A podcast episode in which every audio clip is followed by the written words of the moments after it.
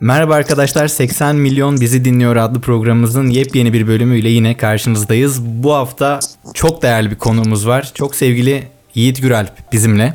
Ee, Yiğit abi hoş geldin nasılsın? Hoş bulduk arkadaşlar. Değeri nereden ölçüyorsunuz tam olarak? Ee, sevgimizle, kalp, kalpten olan sevgimizle. ya bak böyle ilk şaşık sorudan dumura uğratırım işte. bu ben şey yazıyordum. E, bu sevgili diye hitap etmeyi e, çok çok seviyorum. e, bu da şeyden ustalarımızdan Metin abiden, Metin Akpınar'dan yadigar. Hmm. E, Metin abi konuşurken karşısında erkek de varsa, e, kadın da varsa sevgilim, yiğitçim, işte kardeşim falan böyle böyle konuşuyor evet. Metin abi. O, o, o yüzden bu yani e, sevgiye mazhar olmak falan durumlarında biliyorsunuz Twitter'da birinden bahsederken hani böyle Emre Kongar demiyor babamızın oğlu gibi. Emre Bey falan da e, eski geliyor. Çok TRT geliyor da. Sevgili Emre Kongar falan diyoruz. Bu bunu yazdık yazdık. Ondan sonra bu baya böyle bakıyorum muhalif kanallarda, televizyonlarda falan. Herkes birbirine sevgili demeye başladı. Şimdi ben o ilk başta bunu söyleyen az sayıda insandan biri olarak bana bu çok gerçeküstü gelmeye başladı. Çünkü herkesin birbirine yediği ve arkadan iş çevirdiği bir dünyada o o bizim başlattığımız samimi sevgili kavramı birazcık böyle dişleri sıkarak yani sevgili Fatih Altaylı.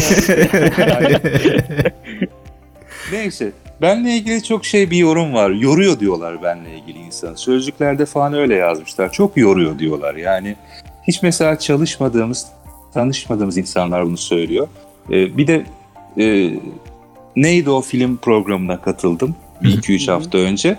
Orada da yorumlara baktım. Ee, çok yordu abi diyorlar. Herhalde bu böyle nasılsın dendiğinde altı buçuk saat konuşmamdan bahsediyorlar. Yoksa yani ben ne yoracağım hiç kimseyi falan. Ama şöyle faydası var. Yorarım ama gece iyi uyursun yani. Hani orasını hiç Ayda. ya ya ge- gece çok temiz uyunur mesela yani. Hiç fa- faydasından bahsetmiyor insanlar. Hoş bulduk kardeşlerim. Biz daha yorulmadık diye. Yani hiç yorucu yorucu olarak değerlendirenleri bilmiyorum. Duymadım daha evvel. Hani bir ön araştırma falan yapmadım açıkçası ama bana öyle gelmiyor. Öyle bir izlenim de henüz uyanmadı.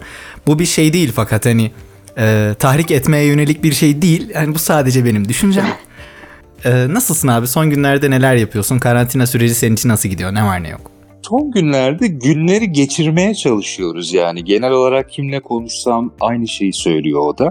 Yani günleri doldurup geçirmeye çalışıyoruz ki sanki arkasından bir şey gelecekmiş gibi yani. Hani arkasından ne geleceğini de çok bilmiyoruz. Hani günler öyle başlıyor, e, bitiyor. E, zaman algısı çok kısaldı. Yani e, biz televizyonda bir program izliyoruz. E, mesela Erkan Can'la Güven Kıracı'nın o karavan programını izliyoruz. O mesela atıyorum çarşamba akşamları oluyor. E, kışları annem annem bende kaldığı için mesela devamlı çarşamba oluyor mesela. Yani hep sürekli çarşamba oluyor yani. Hani geçen hafta izliyoruz hop yine çarşamba oluyor. Sanki her gün çarşambaymış gibi yani. Öyle bir durum var yani hafta sanki bir günmüş gibi. Onları da doldurmaya geçirmeye çalışıyoruz. İnan olsun böyle suyun üstünde kalmak diye bir tabir vardır yani. Evet. Nefes alsak yeter. Hani yeter ki batmayalım. Öyle bir dönemden geçiyor dünya. Ee, tuzu kuru olan insanlar olduğu söyleniyor. Ben bilmiyorum tabii ki öyle bir araştırma yapmadım ama çok bu da çok söyleniyor. Yani bizim tuzumuz kuru değil ama hani tuzu da daha kokutmadık hani ona uğraşıyoruz yani. Kokmasını istiyoruz en azından. Ya kabaca böyle kardeşim.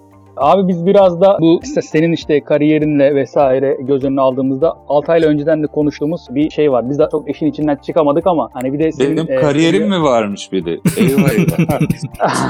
Estağfurullah. eyvah meyvah demeyelim şimdi. Ya bu şey işte filmlerle ilgili konuştuğumuz zaman vesaire işte filmlerin işte Ahmet'in filmi, Mehmet'in filmi işte atıyorum eskiden örnekler verelim. Cüneyt Arkın filmi, Kadir İnanır filmi vesaire evet. gibi böyle bir e, etikete sokuluyor ve hani filmin aslında arka plandaki yaratıcılarının bir şekilde göz ardı edildiği bir marketing süreci var diyelim. Senin bu konudaki bakışın nedir? Yani filmin sahibi ya da işte pazarlama sürecindeki e, bu kullanılan dil üzerine vesaire neler söylemek lazım?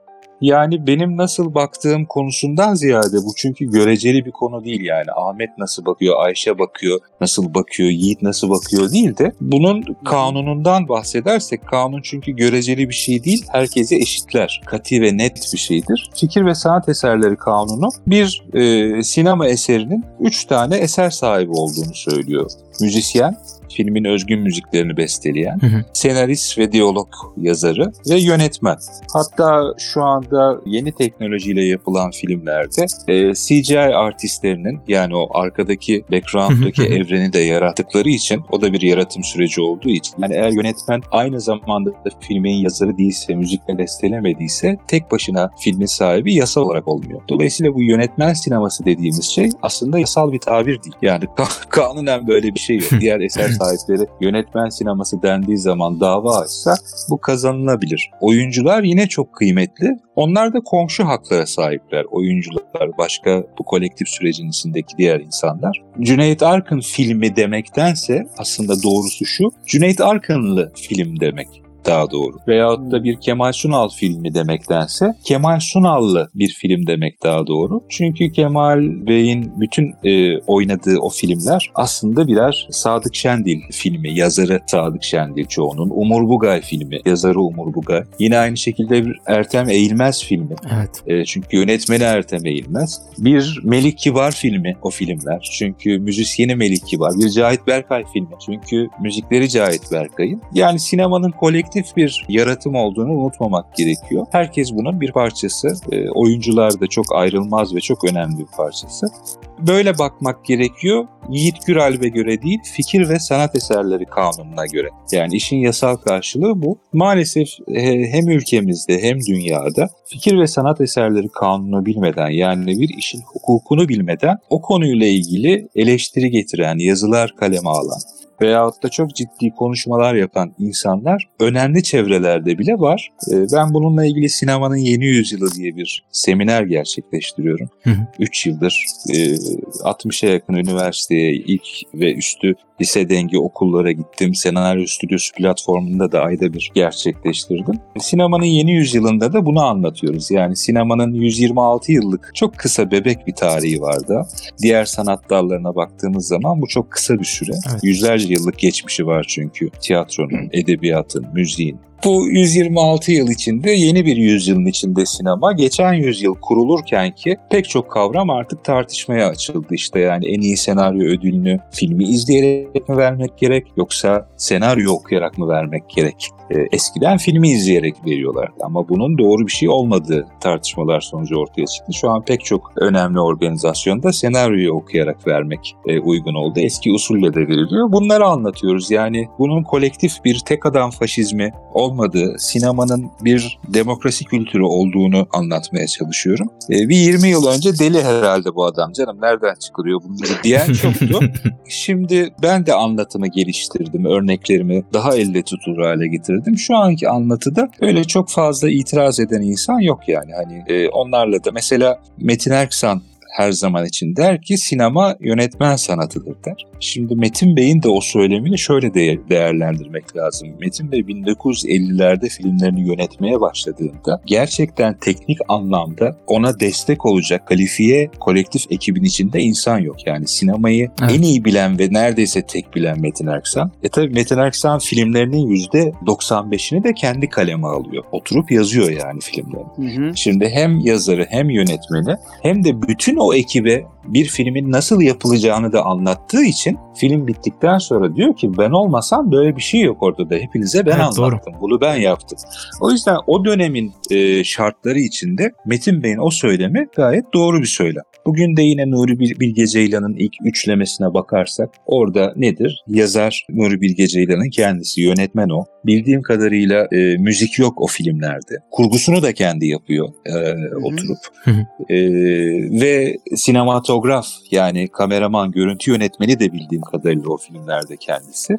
Evet. Yani böyle pek az sayıda filmde bir yönetmen sinemasından elbette ki bahsedebiliriz. Ama orada bile reflektörü tutan, ışığı yapan falan biri var yani. Hani orada bile günün sonunda bir kolektivite var. Yani birazcık aklı başında bakmak gerekiyor bu kavramlara diye. Ben de böyle dede gibi artık bunları anlatıyorum yani. Ya ben bir böleceğim o şeye böyle birazcık şey karşı tarafın argümanını da bir şekilde şey yapayım diye e, tekrardan hatırlatayım diye bir hani şeytanın avukatlığını yapayım tırnak içinde diyorum. Bir soruyla genişleteyim yani bu yönetmen vizyonuna göre diğer insanların hareket ettiği gibi bir söylem var ya o taraftan bakıldığında hani aslında o reflektörü tut, nasıl tutacağına da bir şekilde onlar yönetmen karar verdiği için yönetmenin vizyonunu yansıttığı yönünde bir argüman var karşı taraftan. Yani aslında o adamları bir şekilde e, yönlendiriyor kendi vizyonuna göre, kendi görüşüne göre gibi de bir argüman var. Yani e, o yüzden de yönetmen sanatı olduğu söylemi altı doldurulmaya çalışıyor abi. Sen ne dersin o konuda? Yani, Yani o bu- vizyonuna Evet, bu bir film yapım sürecinde ve bir film yaratım sürecinde bulunmayan insanların bilmekten değil zannetmekten yani öyle olduğunu zannetmekten ötürü geliştirdiği düşünceler bunlar. Bu düşüncelere bazen egosu ve kibri büyük olan e, ve bu söylem işine gelen bazı yönetmenler de gayet tabii öyle diye de destek veriyorlar. Ama e, bir filmin daha filmin fikri ana rahmine düştüğü andan itibaren onun işlenmesi, stili, işte yaratıcı yapımcılık diye bir şeyden bahsediyoruz veya Evet. showrunner diye televizyonda karşılığı bir kavram var. Şimdi burada hemen hemen her şeyi yönetmen de değil, yazar da değil, yaratıcı yapımcı ya da showrunner belirliyor. Bazen showrunner o işin yazarı da olabiliyor yaratıcı yapımcı veyahut da yönetmeni de oluyor. Ama bunda bile yani bir kişinin belirleyici olduğu bir kolektif yapıda bile bir demokrasi yani bir fikir alışverişi vardır. Ne için? Daha iyisini bulmak ve daha iyisini yapmak için. Akıl akıldan üstündür o ışığın öyle olmasıyla ilgili e, sinematograf görüntü yönetmeni var orada. Şimdi ben e, film yöneteceğim zaman şöyle bakıyorum yönetmenliğe. Benim kurmaylarım var. Kurmaylarım ne? Yapım tasarımcı. Yapım tasarımcının altında kim çalışıyor? Bütün makyaj, kostüm, sanat yönetmeni onlar çalışıyor. Burada e, sinematografım var. Sinematografım kamera ekibiyle çalışıyor ve ışıkla çalışıyor. Şimdi ben kendi ko- kurmaylarımla, birinci reji yardımcımla bütün hayalimdeki şeyi senaryoyu da ben yazdığım için ama senaryoyu ben yazmıyorsam yazarımla konuşup burada bunu mu anlatmak istedim? Şöyle mi yapmalıyız? Bunun storyboardları çiziliyor. Storyboardlarda bile bir mizansenle ilgili eğer iyi bir storyboard, sinemayı bilen bir storyboard artistin varsa bizde mesela Necmi abimiz vardır. Yani Necmi gibi sinemayı bilen bir storyboardçun varsa mizanseni sana dekupajı o bile verebilir iyi bir fikirle. Yani o sahneyi bölüp Hmm. parçalayarak. E, dolayısıyla nihai yani yönetici olarak yönetmen sette, setin olduğu yerde son kararı verendir. Zaten bir yöneticidir. Yani oranın e, sorumlusudur. Burada böyle bir şey var ama yani tek başına e, çok net anlattım aslında ben. Yani bu bir Evet evet. bir tek adam rejimi değildir sinema. Eğer bakın sinema böyle olsaydı akademi gecesinde en iyi yönetmen ödülünü verirlerdi herkes evlerine dağılırdı. Öyle bir şey yok ya. Bütün bütün departmanlarda ödül veriliyor, takdir ediliyor insanlar. evet doğru. Mantıklı. Cevabı böyle. Ses, yok sesler mi gitti diye Ya bakıyordum ben- bir an ya- sessizlik olunca. Ya Ben ama yeteri- biz ben yeterince ikna oldum. Yiğit abi ya. Yani o kadar yönetmenleri şişirdik. Sen bizi yıktın şimdi. Hadi tamam yönetmen sinemasıdır çocuklar bu kadar. hayır hayır hayır estağfurullah hayır hayır. tamam tamam. Her Yo, şey Ben ikna oldum ve şey oldu yani. e, Her- her şey şey- yönetmenden. şeytanı da ikna ettin abi. eyvallah. Şu an e, şey yapıyorum yani kafamın içinde evet falan diye hak verdim yani. Onun Eyvallah. Yani şöyle bir şey olabilir mi? Filmin arkasında roll caption bir sürü credits akıyor. 2000 kişi falan ondan sonra. Onlar hep yönetmenin ağzının içine bakıyor falan. Hani ödül almaya çıktıklarında da yani biz aslında bir şey yapmadık. Onun ağzının içine baktık yani bunu bunu bize verdiniz ama yani vallahi zahmet ettin. Hani böyle bir şey böyle bir şey olmuyor değil mi? O süreci nasıl yarattığı, nasıl düşündüğü, filmlerin kamera arkalarında, yapım belgesellerinde bir fikri alıp kendi departmanının içinde nasıl geliştirdiğini, neler kattığını da bu insanlar anlatıyor. Yani bir, bir kişinin fikriyle bir film ortaya çıkıyor. Ama yasada tanımı çok belli yani hani e, yardımcı olanlar ve esas yaratanlar yasada belli. Esas yaratanlar yani birinci yazar, yönetmen, müzisyen ve şimdiki ki o paint artistler bilgisayar efektlerini yapan, backgroundları, dünyaları, görsel dünyayı da çizen insanlar. Onun dışındaki bütün ekipte temel hak sahibi değil ama komşu hak sahibi. Yapımcı da bu eseri işleten kişi yani maddi haklarına sahip. Yapımcılar da filmin sahibi Hı hı. değiller. Biz yapımcılara e, iki tane hakkımız var bizim eser sahipleri olarak. Bu bir hukuk programına dönüştü. Herkes çok sıkılmıştır ama. Maddi haklar ve manevi haklar. Biz belli bir para karşılığı e, yapımcı eser işletme belgesi çıkarabilmek için bizden maddi haklarımızı satın alıyor. Ama manevi hak devredilemiyor. Yani diyelim ki bir yapımcı bana geldi. Ya ben sana 1 milyon lira değil de 4 milyon lira vereyim. Manevi hakkını da satın alayım dese ve ben de tamam desem ben izin versem eser sahibi olarak fikir ve sanat eserleri kanunu izin vermiyor manevi hakların devredilmesine. Anlatabiliyor muyum? Manevi hak ne demek? Eser sahibini her yerde onure edeceksin. İsmini okunur görünür şekilde her yere yazacaksın. Onun filmle ilgili tasarruflarını ona sormadan ve ona danışmadan yine işte demokrasi kültürü dediğimiz şey değiştirmeyeceksin kafana göre. O yüzden bunlar kabaca çok yanlış bilinen ve çok yanlış konuşulan şeyler. Ee, Ben bir şey Düze- merak dü- ediyorum düze- abi. düzelecek bu yüzyıl için. İnşallah. e, ben e, bu manevi hak deyince ben aklıma bir soru geldi. Ya bu şey e, Babam geldi diyorsun manevi hak? Üzerim, üzerimizde hakkı var.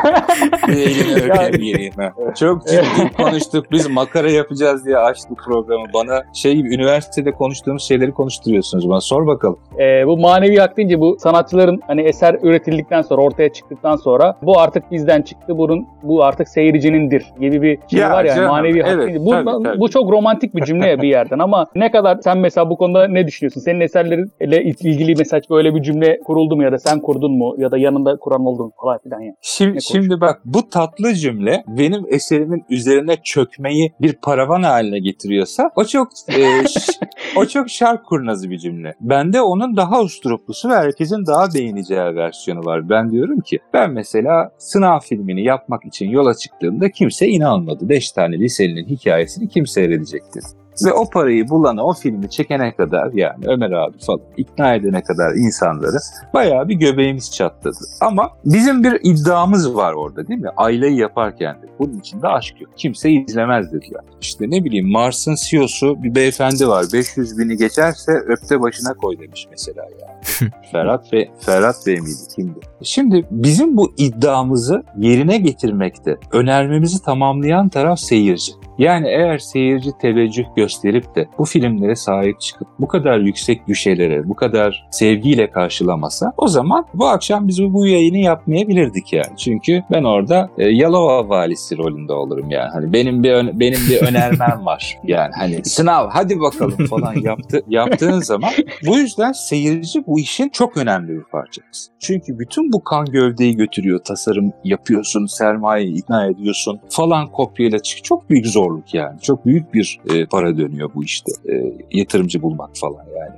Seyirci olmazsa ve seyirci bunu kabul etmese o zaman önermeni tamamlayamıyorsun. Demek ki film elbette ki seyircinin sahiplendikten sonra. Yani seyirci olmasa ben kime anlatacağım? Şimdi şey var biliyorsun yani hani ben yazdım, ben yönettim, ben oynadım, ben yaptım. Sonra da ben, sonra da ben seyrettiğime geliyor ya işler yani. Hani ben seyrettim. Kimse seyretmedi. O da şeye geliyor sonra. Yani beni zaten 5000 kişi seyretse anlasa yeter. Ya tamam Onda- yeter. Yeter de baban Thomas Wayne'se yeter eğer yani. Hani senin böyle mal varlığın varsa hani hani bütün bu paraları sokağa atıyorsan ve bir amme hizmeti yapıyorsan çünkü milyon dolarlardan bahsediyoruz. Bir sanatçının ne kadar çok kişi eserini beğenirse, ne kadar çok seyredilirse, paylaşılırsa o kadar haz alır. Bunlar çok gerçekçi şeyler değil. O yüzden seyirci çok önemli. Film artık seyircinin kısmında yine yasaya dönelim isterseniz.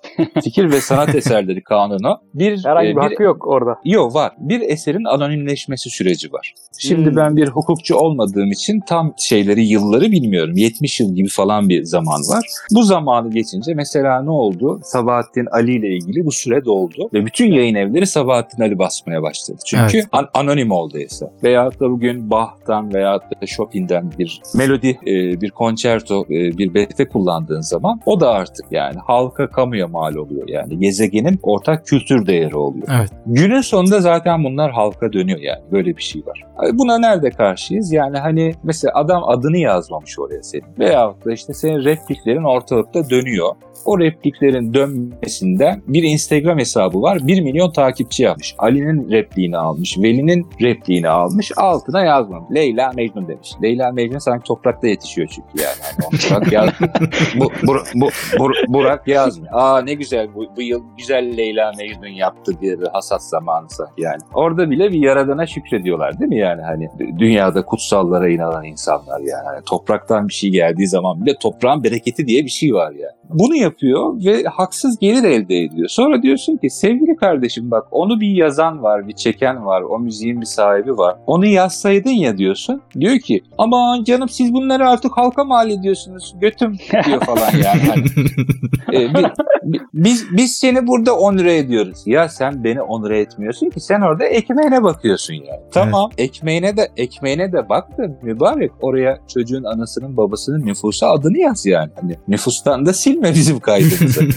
Buralarda sevgili kardeşlerim bir şey var. Ya gerçekten aksakallı dede gibi kendimi artık hissediyorum. Sevgili kardeşlerim bakın bunlar böyledir. Bunlar böyleyken bunlar da böyledir. Bazı şeyler böyle değildir. Ben gerçekten köşeye çekilip podcast kaydetme yaşım gelmiş benim artık. Her hafta bekleriz abi. Ge- ge- geçen de Uşak Üniversitesi'nde Onur Keşaplı bölüm başkanı, sinema bölüm başkanı iletişim fakültesinde. Çok çok sevgili bir kardeşim o da program Evet. başında. Onur aradı 70'li yıllardaki bazı yerli filmlerin hakları kimde falan diye bir şey sordu. Ben dedim ki bak dedim o Ferdi abilerde öbürü Erman filmde Ferdi abilerin tam karşısında Beyoğlu'nda Erman filmin yeri var. Öbürü Kemal Seden'inkiler Osman Seden'in oğlu Kemal Bey'di. Zaten Türker Bey falan. Sonra dedim ki ya arkadaş bunlar Atilla Dorsa'ya yani Atilla Bey'e açılıp sorulacak sorular yani 70 yaşında Atilla. ben de ben daha 42 yaşındayım ve birden bu ne kadar çok gereksiz bilgiyi bildiğim ortaya çıktı yani. Hani artık dede gibi e, Atilla Dorsay gibi bana soruyorlar insanlar yani. Hani hocam onu o filmin sahipleri kim? O kimin kataloğunda? Ondan sonra hani kataloğa kadar hepsi bizde yani. Demek artık benim dede gibi kenara çekilme zamanım gelmiş. Daha değil abi ya. Daha, daha dedeliği var bence biraz ama podcast olayını bence bir düşün yani. Yani Podcast'te şey geçerli. var. Eyvallah. Yani böyle arada ararsanız çocuklar bayramlarda falan podcast- yani Önümüz bayram o zaman. Bayram için aradık diyormuşuz. evet. Ama ben artık yanlış anlamışım. Bayram içten mi aradınız? Çanakkale'de yok aradım falan. Ama aman canım bunlara da gülmeyin. Bunlar çok kötü espriler. Normalde espri yapmam için bana para ödüyorlar biliyorsunuz arkadaşlar. Yani mesleğim ya bu benim. Yani hani kavas Hmm. yerlerinde efendim esprileri, filmdeki espriler falan. Bana bir para ödenin. Ba- bazen böyle konuşuyoruz falan insanlarla. Ay diyor hani beğenmiyorlar espriyi. Diyorum ki ücretsiz bu kadar oluyor yani. Hani çünkü bu benim bu, bu benim mesleğim. Bu yüzden bir an önce premium'a geçin diyorum yani. O zaman ücretli esprilerimden de faydalanabilirsiniz. Neden olmasın? Ya ben sözde kendime hazırladım bu yayına. Ee, Evet. Şunu konuşuruz, bunu konuşuruz falan filan. Evet. Hiçbir Hiç şey yok aklımda. Hayır hayır aklımda hiçbir şey yok. Hiç. O kadar güldüm, eğlendim. O kadar enerjik bir yayın oluyor ki şu an. Ben e, aklımda bir Enerjik şey mi kalmadı. oluyor? Evet ben gayet eğleniyorum yani kendi açımdan. Oğlum, Dinleyenleri ara- bilmiyorum arada, ama. Arada beni döveceksiniz. Kan gövdeye götürecek. O zaman enerjik olacak. Ben anlatıyorum dede gibi. Siz torunlar dinliyorsunuz tamamen şu anda yani. Bir yazık evladım Fatih bir kışkırtayım dedi yönetmen sineması diye. O adam yirmi- 27 27 dakika cevap verince bununla uğraşılmaz. Ben bir, evet, ben bir pıstım. Evet evet.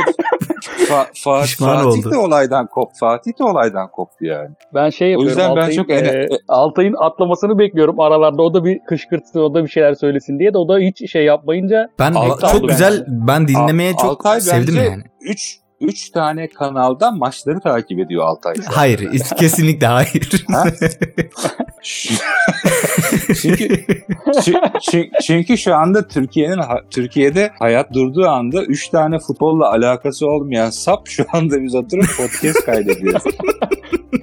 Şu anda ne enfek ne enfaktüsler ne şeyler kırılıyor sand plastik sandalyeler kırılıyor evlerde. Pozisyonlar kaçtıkça. Asıl heyecan orada. Şampiyon olduktan sonra da sokağa falan dökülüyorlar. Konvoylar oluyor karantina Evet sürecinde. Adana, Adanalılar dökülmüş Evet, evet. yani. Bu sokağa dökülmeye artık insanlar yer arıyorlar yani gerçekten. O konu ayrı bir konu hiç açmayalım. Hadi bakalım bu konuya da açmayalım diye ambargo koydu. O, o ne, ne, ne konuşacağız bu adam? Aslında benim bir sorum var. Kurban konudan- olurum söyle. Şöyle, bu yaratıcı yazarlık mevzusu hakkında. yaratıcı yazar öncelikle kısaca nedir hocam? Yani yaratıcı yazardan kastımız ne? Önce bunu bir hani Ee, netleştirelim onun üzerine sorumu inşa edeyim istiyorum. Yaratıcı yazar diye bir şey yok. E, yaratıcı yapımcı dedim onu söylemeye çalışıyorsun. Ee, şu Ama ya- anlamda yaratıcı yazarlık eğitimleri, seminerleri, yaratıcı yazarlık diye bir olay var. Hani tam olarak nedir açıkçası bilmiyorum. Kastedilen tam olarak Bilmiyorum. nedir bilmiyorum. Ya- yazarlık eğitimleriyle ilgili ben Woody Allen'ın düşündüğü gibi yani yazarlığın öğretilemez bir şey olduğunu düşünenlerdenim. Ancak biz ilham verebiliriz diyor belli Kesinlikle. eserler. Yani sormama da gerek kalmadı diyor. açıkçası. Hani bunun Ee, hakkındaki ama düşünceni şeyi merak ediyorum. konuşabiliriz. Yaşa, e, yaratıcılığı konuşabiliriz. E, bizde bir jargon var. Yaratmak Allah'a mahsustur diye. Dolayısıyla bu e, yoktan var etmekle ilişkilendiriliyor. Aslında yaratıcılık yoktan var etmek değil. Bu yüzden hani yaratmak Allah'a mahsustur, yaratıcı deme falan diye bazen eleştiriler alıyoruz. Yaratıcılığın yoktan var etmek olmadığını ben söyleyebilirim. Bunun karşılığında ne anlama geldiğiyle de ilgili Profesör e, Selçuk Erez'le kızı Yeşim Erez'in Yaratıcılık diye bir kitabı var. E, bir iki yıl önce çıktı. Çok değerli bir kitap öneririm. Hı hı. Orada yaratıcılığın tanımı şu. E, Yaratıcılık problem çözebilme kabiliyetidir. Problem çözebilme becerisidir. Dolayısıyla hayatımızı idame ettirmek için sadece sanatçıların, yazarların, çizerlerin değil, herkesin yaratıcı olmaya ihtiyacı var. Yani bir ev hanımı da veyahut da bir iş kadını hem eve yetişmek, eşiyle iş bölümü, hem çocuklara yetişmek, hem mesaisi veyahut da bir öğrenci önünde 2000 tane soru bankasında soru var. 6 saat zamanı var. 6 saatte bu 2000 soru nasıl olacak? Bununla ilgili bir metot. Yani herkes kendi metodunu, bir problemi çözmekle ilgili, hayatta istihdam olmakla ilgili, iş yapma şekliyle ilgili, yaratıcılığa ihtiyacı var. Yaratıcılığı olmayan insanlar zaten çuvallıyorlar. Şartlar da çok ağır. Bu yaratıcılığın böyle bir hokus pokusmuş gibi, bir sihirmiş gibi. Sadece sanatçılara özgü bir şey olduğu konusu palavradır. Bunu bizim Röptü Şambırlı, Fularlı böyle falan diye böyle ko- konuşan e, tayfa e, yapıyor bunu. Çünkü onlar da sadece kendilerine özgü bahşedilmiş bir şey olarak hani ilham geldi. Hani Rutkay Ezin falan öyle tipleri vardır yani.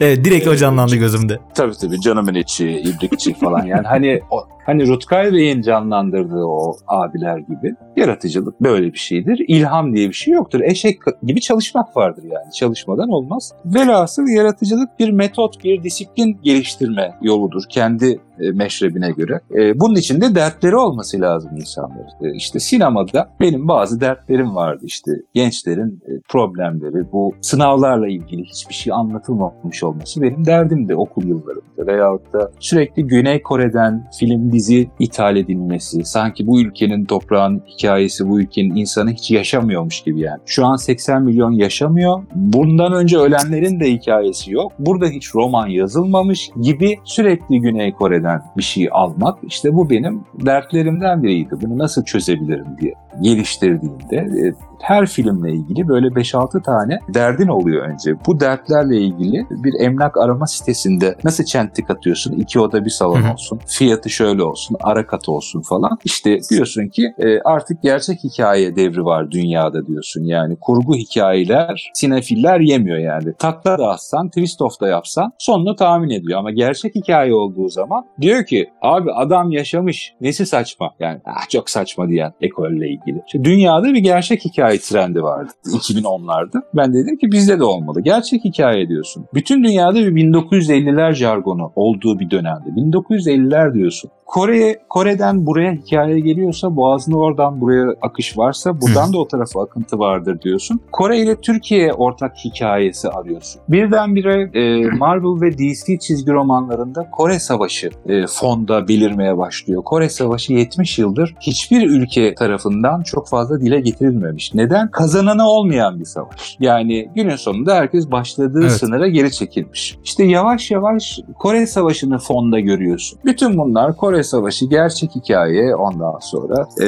dönem filmi. O zaten karşına yani bütün bu dertlerden araştırırken Ayla'nın hikayesi çıkıyor zaten karşına. Evet. İşte yaratı- yaratım süreci yani yaratıcılık problemin olması ve o probleme yani o bazıların dediği gibi Amerika'ya yaranmak için yapmış filmi. Öyle bir şey yok yani ben evde evde kahve koyalım. Dur, dur bakalım ya yani hani ben bir hadi inşallah bir yaranayım Amerika'ya nasıl yaranıyor falan. Şimdi böyle bir dert olmaz zaten yani. Hani hakikaten böyle derdi olan varsa onun derdini sikeyim derler adama yani çok açık bir şekilde.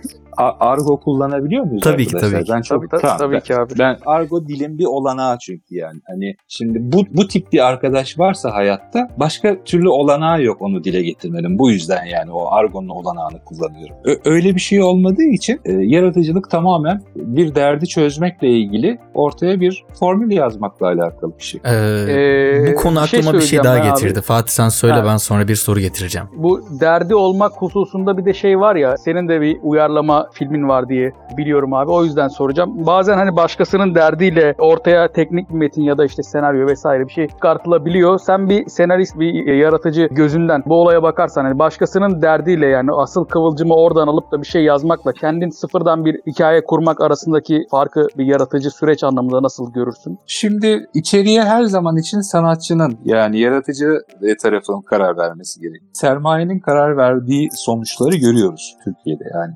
Yapımcıların seçtiği konular dönüp dolaşıp bizi nerelere getiriyor görüyorsunuz. Yani sınav yapıldı. Sınav yapıldıktan sonra bütün gençlik dizileri yapıldı. Timur'a gençlik dizileriyle e, Osmanlı dizisi yaptı parasıyla. Onu dünyaya sattı. Yani de ve iki sınav yapılmış. Ama bütün koca sınavdan sektörün anladığı çılgın dershane oldu. Yani çünkü çünkü onu o sermayeye bırakırsan o furyacıdır. Anladığı odur. Veyahut da gerçek hikaye akımı aileyle büyük bir ihtişam kazandı. Daha önce yok muydu gerçek hikaye? Devrim arabaları vardı. Güzel. Yine pek çok gerçek hayat hikayesi önemli sinemacılar uyarladılar. Ama bu kadar ihtişamlı bir tasarımla yani ben büyük bir tasarım yaptım. İlgi de yine o seyirci dedik ya sahiplendi yani seyirci olmazsa hiçbir şey olmuyor. Bu büyük bir ticari güce dönüşünce işler Gülseren Budayıcıoğlu'na kadar geldi yani hani gerçek Evet. hikaye. Şimdi yer gök gerçek hikaye. Aileden de anlaşılan psikolojisi bozuk insanların draması oldu ya. Şimdi sen ne yaparsan yap Ya benim- furyacı- furyacılar onu yerin dibine sokuyor. O zaman senin sorunda iki tane tip insan ortaya çıkıyor. Birine biz arzuhalci diyoruz. Yani sermayenin belirlediği konulara yazarlık yapan insan. Bunlar benim gittiğim, benim gibi insanların gittiği yol zor o- zor bir yol olduğu için diyor ki abi ekmek parası bize icat çıkarma. Uslu uslu şurada bize bir şey diyorlar. Onu yazalım diyen arkadaşlar var. Biz bu ben şu an bu arkadaşlarımızı kınamıyorum. Ama bir de trendsetter olmaya çalışan yani tıkanan vaziyetlerin önünü açmak, bunu dert edinmek ama işte bu yüzden 6 yılda bir film yapıyorsun. Çünkü hakikaten o 5-6 yıl sürüyor. Bir de böyle insan, böyle insanlar var. İşte ben genelde kendi bildiğim şeyi yapmaya çalıştım. Uyarladığım iş uzun hikayeyi diyorsun büyük ihtimalle. Evet. Değil mi? Onu onu söylüyorsun. A- aynen, uzun aynen. hikaye uzun hikayede de hikaye şudur. Ben hiç televizyon dizisi yapmak istemedim. Hep yapımcılar sinema filmi yapacağız diye beni oyaladılar. Orada o Ak Çiftliği dizisini de Dolu Dizgin yılları iki buçuk yıl yaparken e, beraber aslında bir sinema filmi yapacaktık. E, üç tane dört tane projesi vardı Osman Hoca'nın. Ben de yine bir orada da bir yapımcı gözüyle, bir yaratıcı yapımcı gözüyle şöyle dedim Osman Hoca'ya. Bu filmlerden hangisinde Kenan İmirzalıoğlu oynamak istiyor, bu hikayeyle ilgilenmek istiyor? Uzun hikaye Kenan'ın çok sevdiği bir kitapmış. Ve 11 yıldır bunun senaryosunu yazmaya çalışıyorlar. Kenan o kadar çok seviyor ki uzun hikayeyi. İlk aldığı otomobilin Deli Yürek'ten kazandığı parayla plakası BA, Bulgaryalı hali. O zaman Hmm. dedim ki bir, bir filmin Steven Spielberg her zaman şöyle der. Herkes ona bir fikrim var dermiş. Market kasasında bile bir fikrim var. Bakar mısınız? Steven da e, kart vizitine verilmiş ve dermiş ki bu minik kartı işte 3 santime 6 santim ebatlarındaki bu kartın arkasına fikrini yaz. Adını ve telefonunu da yaz. Merak etme. Bu karta sığdırabiliyorsan fikrini seni mutlaka ararız dermiş. Yani bir filmin kendini bir cümlede seyirciye bilet karşılığı ne vaat ettiğini anlatabilmek lazım. Sınavın cümlesi her yıl 1,5 milyon genç üniversite sınavına girer idi. Ve Türkiye'nin Vietnam'ıdır. Gençler burada telef olur. Vietnam'la ilgili bir sürü problem film yapıldı. Bizim Vietnam'ımızla ilgili, gençlerimizin telef olduğu yerle ilgili film yapıldı. Bu kadar basitti. Filme de 1,5 milyon insan geldi zaten. Şimdi bir Kenan İmirzalıoğlu filmi de bir cümledir. Bir şey vaat eder yani. Ee, ne dedik en başta? Kenan İmirzalıoğlu'lu bir film. Hani oradaki Lulu fazla olduğu için bir Kenan İmirzalıoğlu filmi diyorum. Nasıl Tam, yaptım? tam bir şey yakaladım diyecektim. Nasıl ama yaptım. Yaptım. Ya. Nasıl toparlarım arkadan döner.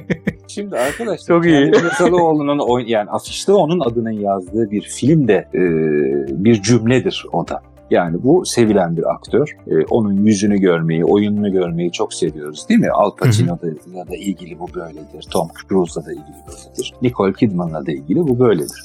Şimdi Osman Hoca'nın bana sunduğu hikayelerin önermeleri herhangi önermeler.